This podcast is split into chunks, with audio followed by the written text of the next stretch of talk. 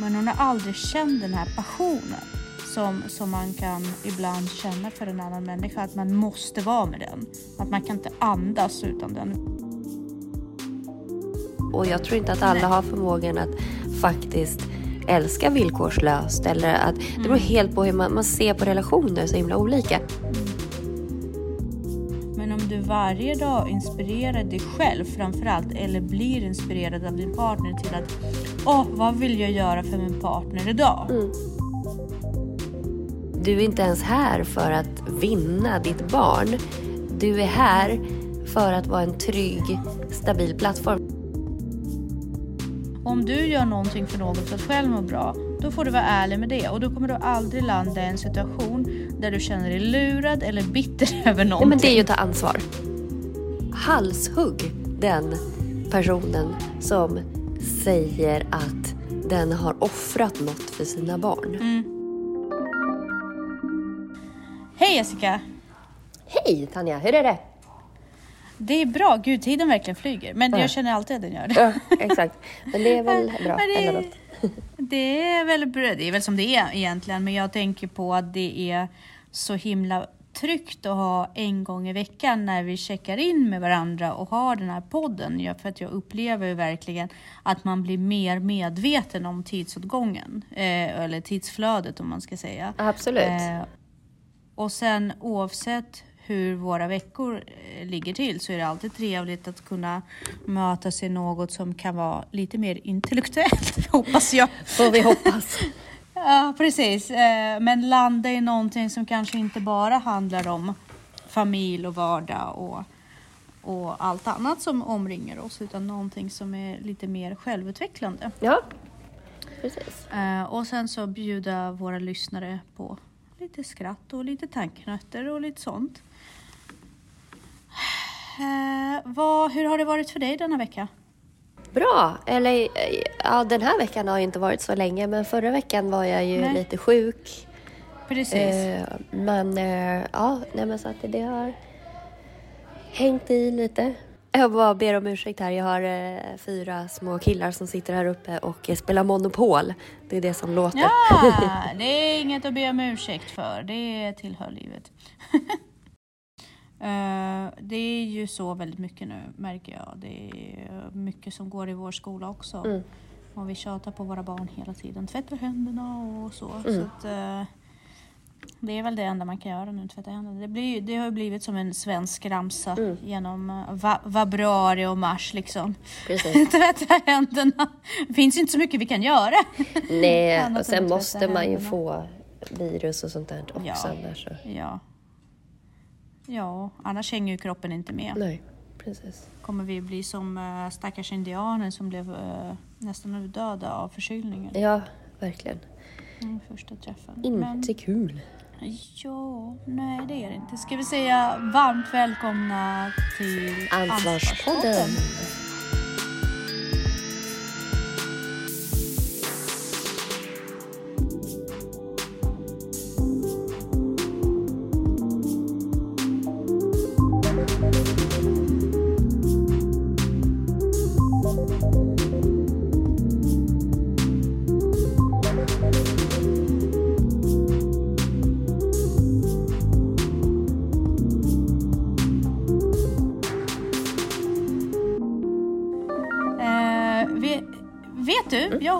grej till dig. Måste jag ha din åsikt. Ja. För att jag kan inte bilda mig en uppfattning innan jag får din åsikt. Men jag, jag gillar Magnus Betnér. Jag tycker jättemycket om Magnus Betnér. Men ibland när jag lyssnar på honom så undrar jag så här. Är det bra att gilla Magnus Betnér? Ah, gud vad roligt. Jag kollade precis på, han var ju med i Bianca här för några dagar sedan. Ja. ja. Eh, och jag gillar hans sätt att prata på. Alltså jag gillar Ja. hans tonalitet på något vis. Flöde. Ja. Sen så kan ju han... Nej, men han är väl ganska ofarlig. Nej, men jag gillar hans sätt att så här, det, För det är ju halva grejen med ståuppkomiker eller komiker överhuvudtaget. Hur Ja. man levererar Ja. repliken. Och han Ja. gör det på ett sätt som är väldigt så här... Eh, ja, väldigt dämpat, lite tillbakahållet. Men det finns ändå otroligt... Alltså hälften av komiken ligger ju i sättet han säger saker på. Ja.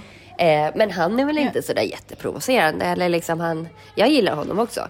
Eh, Nej, jag, jag, ja, ja, jag, jag vet inte om han är jätteprovocerande. Jag förstår att folk blir provocerade av honom. Det förstår jag verkligen. Varför? Men det är jag inte... Jag vet inte. Han... Jag kan tänka... Jag, jag, I min miljö, då pratar vi väldigt mycket så. Alltså hemma hos mig, jag och Paul pratar mycket så. Jag pratar mycket så med min svärfar. Eh, Jag pratar väl till en viss del så med mina föräldrar. Med dig pratar jag så också, alltså väldigt öppet och så. Men jag kan inte påstå att jag skulle våga prata på det sättet med folk jag inte känner. Nej. För jag vet inte... eh, Ja, fast det, det beror helt tycker- på hur man gör. Eller det, det kan funka jättebra. Vi har en kompis som är så jävla rolig. Eh, Mm. Och han kan ju slänga in saker. Alltså, och han är också så här sättet han säger det på. Och att han drar Mm. det lite för långt. Men han, det handlar också om så här, man måste, dels måste du visa att du skämtar. Eh, sen Ja. så måste du ha en vänlig aura. Annars blir du ju bara dryg. Alltså det är det som är... Ja. Två personer kan säga exakt samma sak, bara den ena uppfattas som dryg eh, eller konstig och den andra bara liksom som soft. För att, alltså Mm. det beror helt på vem man är och hur man gör det.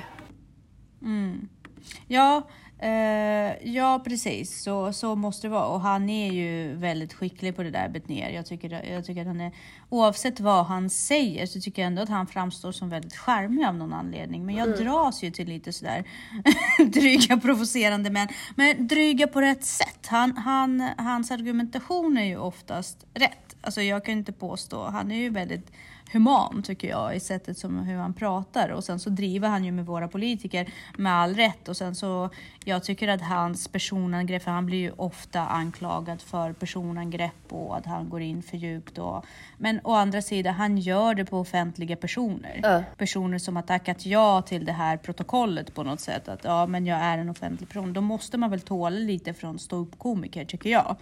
Därför då har man på något sätt gått med på det. Jag Sen kan- att han kan Ja, förlåt dra det, det är ingen fara. Sen så att han kan dra det lite för långt ibland och säga dumma saker. Alltså dumma, jag menar elaka, inte, eh, eller, eller bara opassande. Ja men det hör väl på något sätt till hans eh, eh, genre skulle jag vilja säga. Han är ju inte han är ju inte, jag vet inte, han är inte politkorrekt, det är han ju inte, men det måste han väl Men det är ju heller. ingen, alltså det, stand-up kan ju inte vara politiskt korrekt, det är ju det som är Nej, problemet. nej. Jag gillar inte hela den här roasting-delen. Det tycker jag är, är en störd del av vårt samhälle. Alltså för det tycker Mm. jag eh, skapar ett felaktigt samhälle.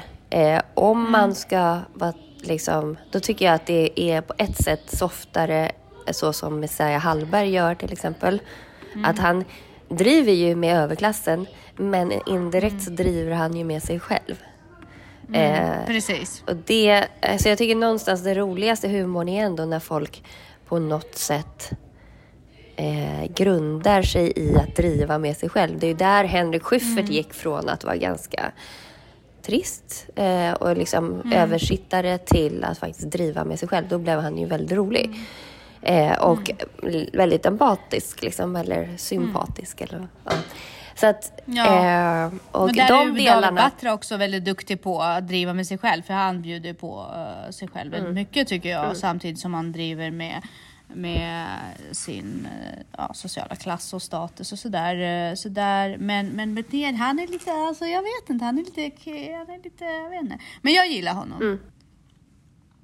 Eh, men jag håller med dig om att roasting i sig, det, det öppnar upp för en värld som vi gärna besparar våra barn. Vi, vi säger ju så här, nämn inga namn och säg inte någonting om det inte är snällt eller om det inte finns någon mening att säga det. Det, det, brukar ju, det har ju du lärt mig, det här mantran som är väldigt, väldigt bra. Är det, snäll, är det sant, är det snällt, är det nödvändigt? Men sen så sitter vi och skrattar och betalar pengar för att någon annan ska göra det. Ja, men jag, det är där som är, som är grejen. För att jag tycker inte att det är kul Nej. med roasting. Alltså jag blir bara ledsen. Nej. Jag tycker Ja. att det... Jag förstår inte humor där man är elak. Nej. Alltså där tycker jag är, är skillnaden. Att, Mm. eh, sen så kan man säga, ja, jag kan i och för sig tycka att, att Hey Baberibbas, kungafamiljen Mm. till exempel, var väldigt rolig. Och där var man ju, kunde Ja. man ju uppfatta det som att man var elak mot Carl Philip till exempel. Men Ja. där upplever jag att man... Det är väl en, jag tolkade det inte som... Jag tolkade det mer att man... man du tar en person och så är det så här, tänk om det var så här. Ja. Alltså jag uppfattade det aldrig som att eh, han är så. Att man drev ju inte med... Alltså, ja, det kanske är andra uppfattar det annorlunda. Jag- jag förstår, jag, ja, ja, men jag kände så ja. att man inte drev med dem som privatpersoner. Men det är klart att man gjorde det, Mm. för det finns ingen skillnad mellan privatpersonen Victoria och, och eh, kronprinsessan Ja, Victoria. precis. Men det var ju mer en karikatyr. Precis. Roasting Precis, är jag bara rent genuint personangrepp. Elakt. Men så, så är det ju. Men jag tycker inte att uh, Vetner är så fruktansvärt med det heller. Nej, Han har ju nej, sagt precis. saker som har varit eh, liksom, ja, man kan ifrågasätta, man är inte elak mot de Nej, personerna. Han nej. kan ju vara karikatyrisk och så, men han, han går inte mot personangrepp. Men Nej, och sen kan han ju säga ganska det- roliga ja. one-liners som Ja. antyder på lite elakt. Och one-liners tycker jag är okej för att ibland så blir det så här en one-liner bygger också på så här att man, man, den sägs bara för att det är roligt i stunden. Det behöver egentligen ja, inte precis. knyta an. Det så, så kan jag också göra så här om någon säger någonting. Mm. Då blir det mer så här, åh vad roligt det blir om jag säger så här nu. Det behöver inte ha med den Mm. Precis. personen att göra. Det är, så här, det är klart att jag inte var seriös. Alltså jag menar inte det här Mm. om dig specifikt, utan mer bara det lät roligt. Att typ Ja, om det, någon det här, passade in i stunden. Ja men liksom. precis. Som att om jag Det skulle säga till, stunden. Mm. till, i- till Danne någon gång så här. Eh, gud, eh, jag sa det någon gång att så här, ja men vi har ju ett stort intresse, gemensamt intresse. Mm. Och det är dig. Alltså, men det är mer Ja. för att det, låter, Ja. det lät roligt i den stunden, just där och då. För det Precis. var lite så här att Precis. Mm. vara inne på eh, lite det här med att vara självupptagen och så. Och då menar inte jag att han är självupptagen. Det bara Nej, lät nej. Mm. roligt liksom. Att man drar det till sin, till sin fulla spets. Och, och ibland blir ju folk ledsna och då får man ju verkligen säga, gud, nej men det, bara, det var bara att det lät kul. Mm, mm. Och sen så tror jag att det, alltså, jag tror också att det här är en del av att vara en konstnärlig människa.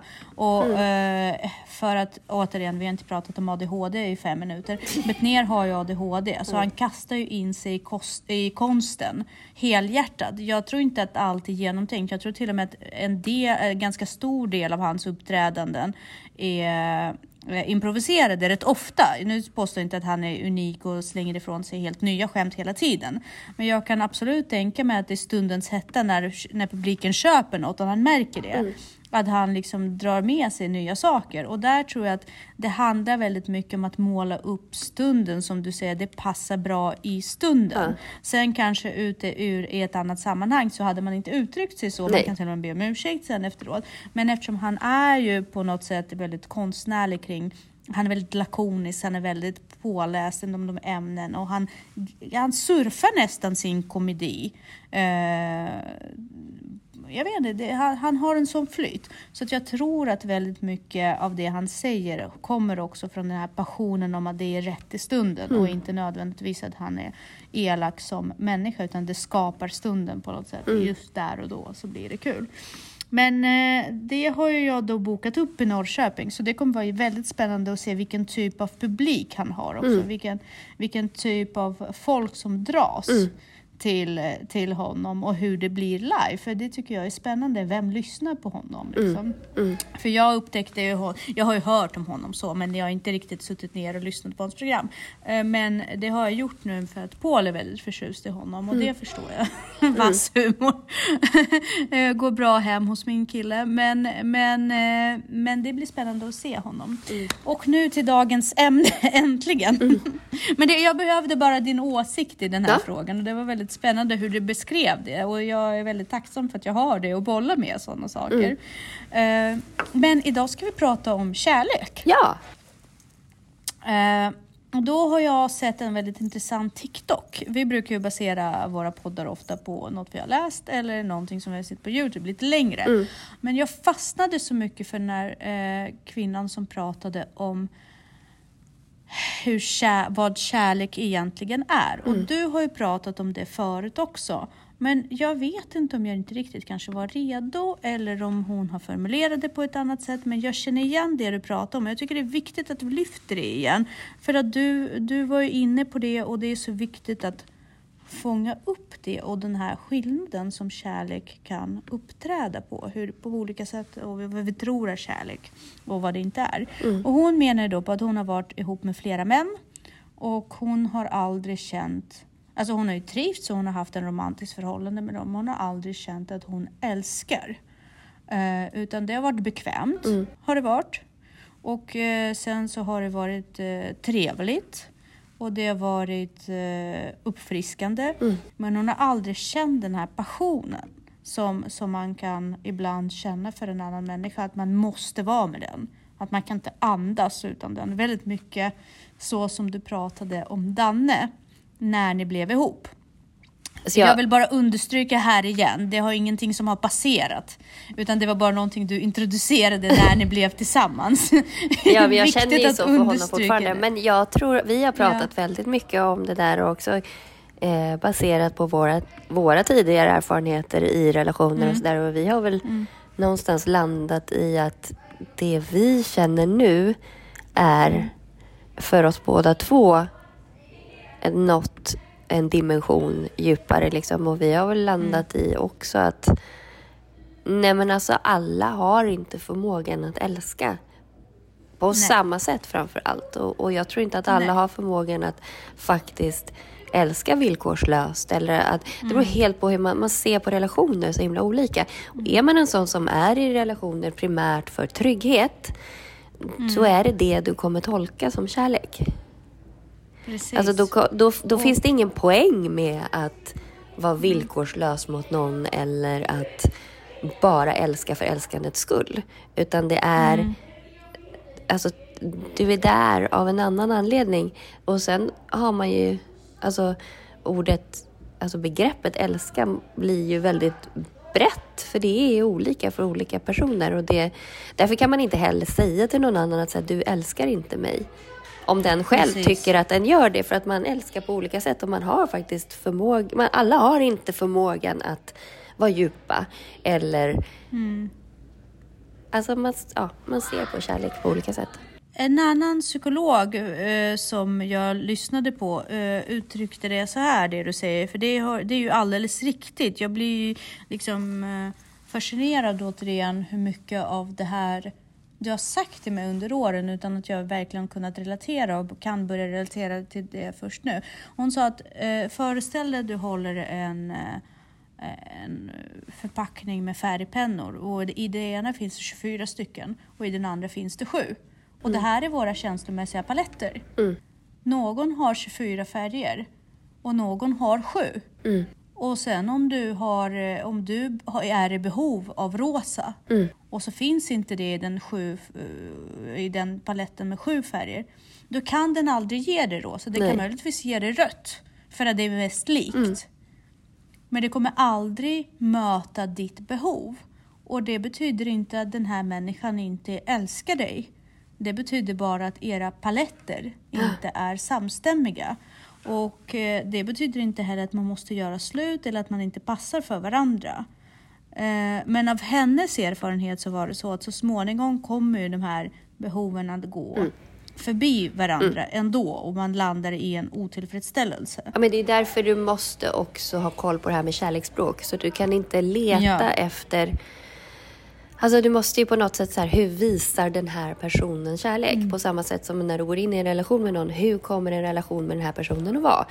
Vem blir Mm. jag i den här relationen? Det är så otroligt viktigt. Och istället för att så här, du älskar inte mig för då skulle du förstå det här. Eller då skulle du... Precis. Nej, men jag ser att du älskar mig för att du är en ditt kärleksspråk är tjänster och du fixar för mig hela tiden. Sen så kanske det inte är det jag behöver, men det är också Exakt. det är hur jag väljer att se. Jag måste ändå välja att se att det här är kärlek för den här personen. Så jag måste ändå se kärleken. Sen så kanske jag har ett annat behov och då måste jag skilja på något sätt på behovet och kärleken. Jag kan, inte, jag- så jag kan inte säga till dig så här, du älskar inte mig för att du fyller inte mina behov. Exakt. Jag måste då ju är se- inne på någonting annat. Ja men precis, jag måste ju säga att du älskar mig för att du gör de här sakerna för mig som, som visar på kärlek. Sen har jag de här behoven. Kan du tänka dig att bemöta mig i dem? Och då börjar man säga, kan du tänka dig att börja blanda färger i din palett på något vis? Kan du tänka dig att blanda vitt och rött så det blir rosa? För mig. Exakt. Och där kan det ju Exakt. vara helt olika. Så här, nej, jag har inte den förmågan. Eller det kommer aldrig Mm. komma naturligt för mig. Så att du måste hjälpa mig på traven. Eller så. Det handlar inte om att jag inte älskar dig. Det handlar bara om att Mm. vi är olika. Ja, och det ju, har ju väldigt mycket att göra med hur vi eh, har blivit, eh, hur vi är uppväxta. Därför att olika människor har väldigt olika kärleksspråk hemma och man mm, växer upp med olika behov och man växer upp med helt olika kärleksspråk. Men där, eh, för att återgå till den första eh, ursprungliga kvinnan som pratade om de här tre olika sätt som vi benämner som kärlek i vårt samhälle. Det första är ju att tillfredsställa varandras primära behov. Till exempel om du är hungrig så ger jag dig mat.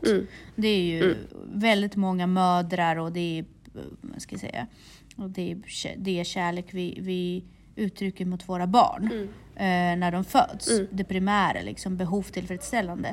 Och sen har vi det här som hon nämnde som katardis. Och eh, du kände igen det. Och det är hur du får mig att känna när jag gör kärleksakter för dig. Det handlar inte om dig som jag älskar, det handlar om mig och hur jag mår i den stunden när jag uttrycker det. Så det är en självisk typ av kärlek. Absolut. Som är kärlek till sig själv hellre än till den andra. Och det där tror jag att det finns mycket besvikelse i Mm. en person som uttrycker det och inte får den responsen den vill ha. Exakt, exakt. Och jag har gjort det här för dig och jag har gjort det här för Ja. dig. Och sen så, du, det är aldrig nog eller du, du visar aldrig att du tycker om Nej, det. och den andra bara, jag har aldrig bett om det där. Exakt. Och så vad är stora grejen? Liksom, du har ju gjort det för att du har velat. Exakt. Och där tror jag att där har min kille lärt mig väldigt mycket. Därför att Paul har varit så från dag ett. Väldigt så här, något som var väldigt eh, extremt för mig därför att jag inte är uppväxt i sån miljö. Jag är uppväxt i en miljö där man är tacksam för det man får. Eh, och eh, när han bara, men det här har du gjort för dig själv. Jag har aldrig bett om det. Nej, precis. Så, och jag är så här, men jag städar köket varje dag när jag kommer hem och det är alltid så rent och fint när du kommer och det är aldrig rent och fint när jag kommer. Ja, han bara, jag bryr Och mig inte. Jag, nej exakt, bara, du behöver inte städa köket. Alltså det är trevligt och så men det är ingenting jag tänker på när jag träder in i huset. Nej. Nej, precis. Ja, och det gjorde mig superprovocerad. Men till slut så landade det hos mig. Och då sa han, om du vill göra något för mig, är inte det då rimligt att du pratar med mig om mina behov? Exakt. För att om du har ett behov av att det är städat när du kommer hem, då är det ju rimligare att du pratar om dina behov. Mm, precis. Och säger det, vet du älskling, jag behöver Ja, det här. precis. För jag känner att jag mår bra av att det är så. Mm. Men du kan inte servera det som ett behov för mig. Nej. Väldigt klokt. Och väldigt klokt. Och, och det, det är ju också någonting som går helt emot det här självuppoffrande traditionen som vi kanske har jag vet inte om det är rysk-judisk eller bara gammaldags, men som vi har i vår familj, det här självuppoffrande. Ja, men martyren. Martyren tänker Ja, exakt så här. precis. Nu har jag, jag som har varit så snäll Ja. mot dig och gjort så mycket saker för dig. Och precis. den andra bara, eh, what? Jag har aldrig bett dig att förinta Exakt. dig själv liksom. Exakt, eller offra det här. Eller... Men jag har ju inte gjort det. Ja, okej, men då har du gjort det för dig för att du mår bättre. Ja. Och jag Men- tror att det är en fälla som är väldigt lätt att hamna som förälder. Verkligen. Alltså om man, om man verkligen älskar sina barn Ja. och inte har en trauma med sig och vill verkligen sina barns bästa. Ja men då ska du ju alltid kunna så här, verkligen- när barnet bara, jag hatar dig. Man bara, men bra, jag älskar dig. Sen Ja, så finns det precis, normer och eller- värderingar och en uppfostran som jag är skyldig att skicka med dig. Men jag är inte Exakt. här. Alltså, jag hade en konversation med en person en gång som, som eh, där det handlade om att så här, vinna tillbaka sitt barn. Eh, att barnet bara, jag, jag tycker inte om mig. Så här, jag tycker mycket mer om mamma. Och bara, nu måste jag vinna tillbaka honom. Att, så här, det, du är inte ens här för att vinna ditt barn. Du är här för att vara en trygg, stabil plattform. Du ska inte ens... Exakt. Alltså, det ska inte... Ja, det... De där lex, det där lexikon passar inte när det handlar om kärlek till barn Nej. överlag. Eh, det är inte det det handlar om. Nej, men, Utan, utan hela det här beskyllandet av att jag har gjort det här för dig. Mm, inte- nej, du har gjort det här för dig själv för att du mår dåligt Ja. som förälder, för att du känner att du är en dålig förälder. Ja. Häng inte det på nej, barnet. nej, men Snälla. verkligen. Nej, men sen också att på samma sätt som, mm, så måste man ju också inse att du måste titta på så här, hur kommer en relation med den här personen att bli. Jag är till exempel en väldigt Mm. fysisk person. Jag kan inte, jag skulle aldrig bli 100% lycklig med någon som inte är fysisk. Eh, Mm. För att Även om jag, ja, absolut, jag har haft relationer med folk som inte är det och man så här, jag förstår att den personen är så. Eh, och så men det är alltid något som saknas. Eh, Och jag måste ju vara obs på det när jag går in i en relation. För jag kommer aldrig kunna få det behovet tillfredsställt av en person som inte har det i sig. Det är en Precis. sån grej som måste komma naturligt från den personen. Mm. Det är som det, det värsta som finns är att bli kliad på ryggen av någon som man har bett om att få bli kliad. Alltså så här, Alltså kommer inte sånt Mm. precis. naturligt, det, det kommer aldrig gå att mötas. Mm. Och Precis, då måste man ju, här, det är ingen bra grej att gifta sig med en sån person då. Nej, verkligen inte. Och eh, det, då leder det ju vidare till det här med hur, och det har ju du också pratat om, hur blir jag den bästa partner? Hur vill jag tillfredsställa min respektive? Och många fastnar ju, inklusive mig själv, i den här rädslan av att Ja, jag är så rädd att förhållandet kommer ta slut eller hur blir det eller nu fallerar vår relation. Nej men om man hela tiden gör det till det som är fokuset av relationen, då blir det ju aldrig bra. Men om du varje dag inspirerar dig själv framförallt, eller blir inspirerad av din partner till att Åh, vad vill jag göra för min partner idag? Hur vill jag skämma bort min partner idag? Hur vill jag göra det trevligt för min partner idag? Då blir ju fokuset och mindsetet kring relationen annorlunda. Då är man inte ens där i tankarna.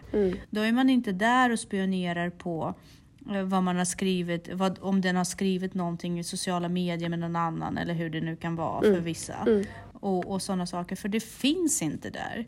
Och det är det som är så himla svårt att förstå för folk som aldrig har upplevt det. Att kärlek och att vara ihop med någon, det, är, det är på helt olika nivåer.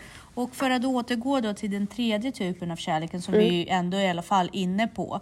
Det är den här både till barn och till partner där man faktiskt hela tiden är på jakt efter hur gör jag deras liv bättre? För det får mig att må bra. Inte för att jag vill ha något tillbaka utan för att jag blir genuint tillfredsställd av att göra de här sakerna för, de här, för, för mitt barn eller för min... Men är inte det också respektive. för att man, det får mig att känna mig viktig? Alltså jag har, fyller en det- funktion, jag har betydelse. Alltså allt, människor gör ingenting osjälviskt. Alltså på något sätt så finns det en tillfredsställelse i det. Ja, men du behöver inte få något tillbaka. Jo, Alltså, men du får ju, så- det du får tillbaka är ju en bekräftelse på att du är viktig. Alltså, Fast även om du inte får det. Jag tänker så här, tänk om det här inte gör någonting för den andra personen. Men då kommer förstår du? personen Den andra sluta. personen är oförmögen, oförmögen att, att eh, visa det. Till exempel eh, min dotter, hon har ju väldigt svårt att visa tacksamhet i stunden.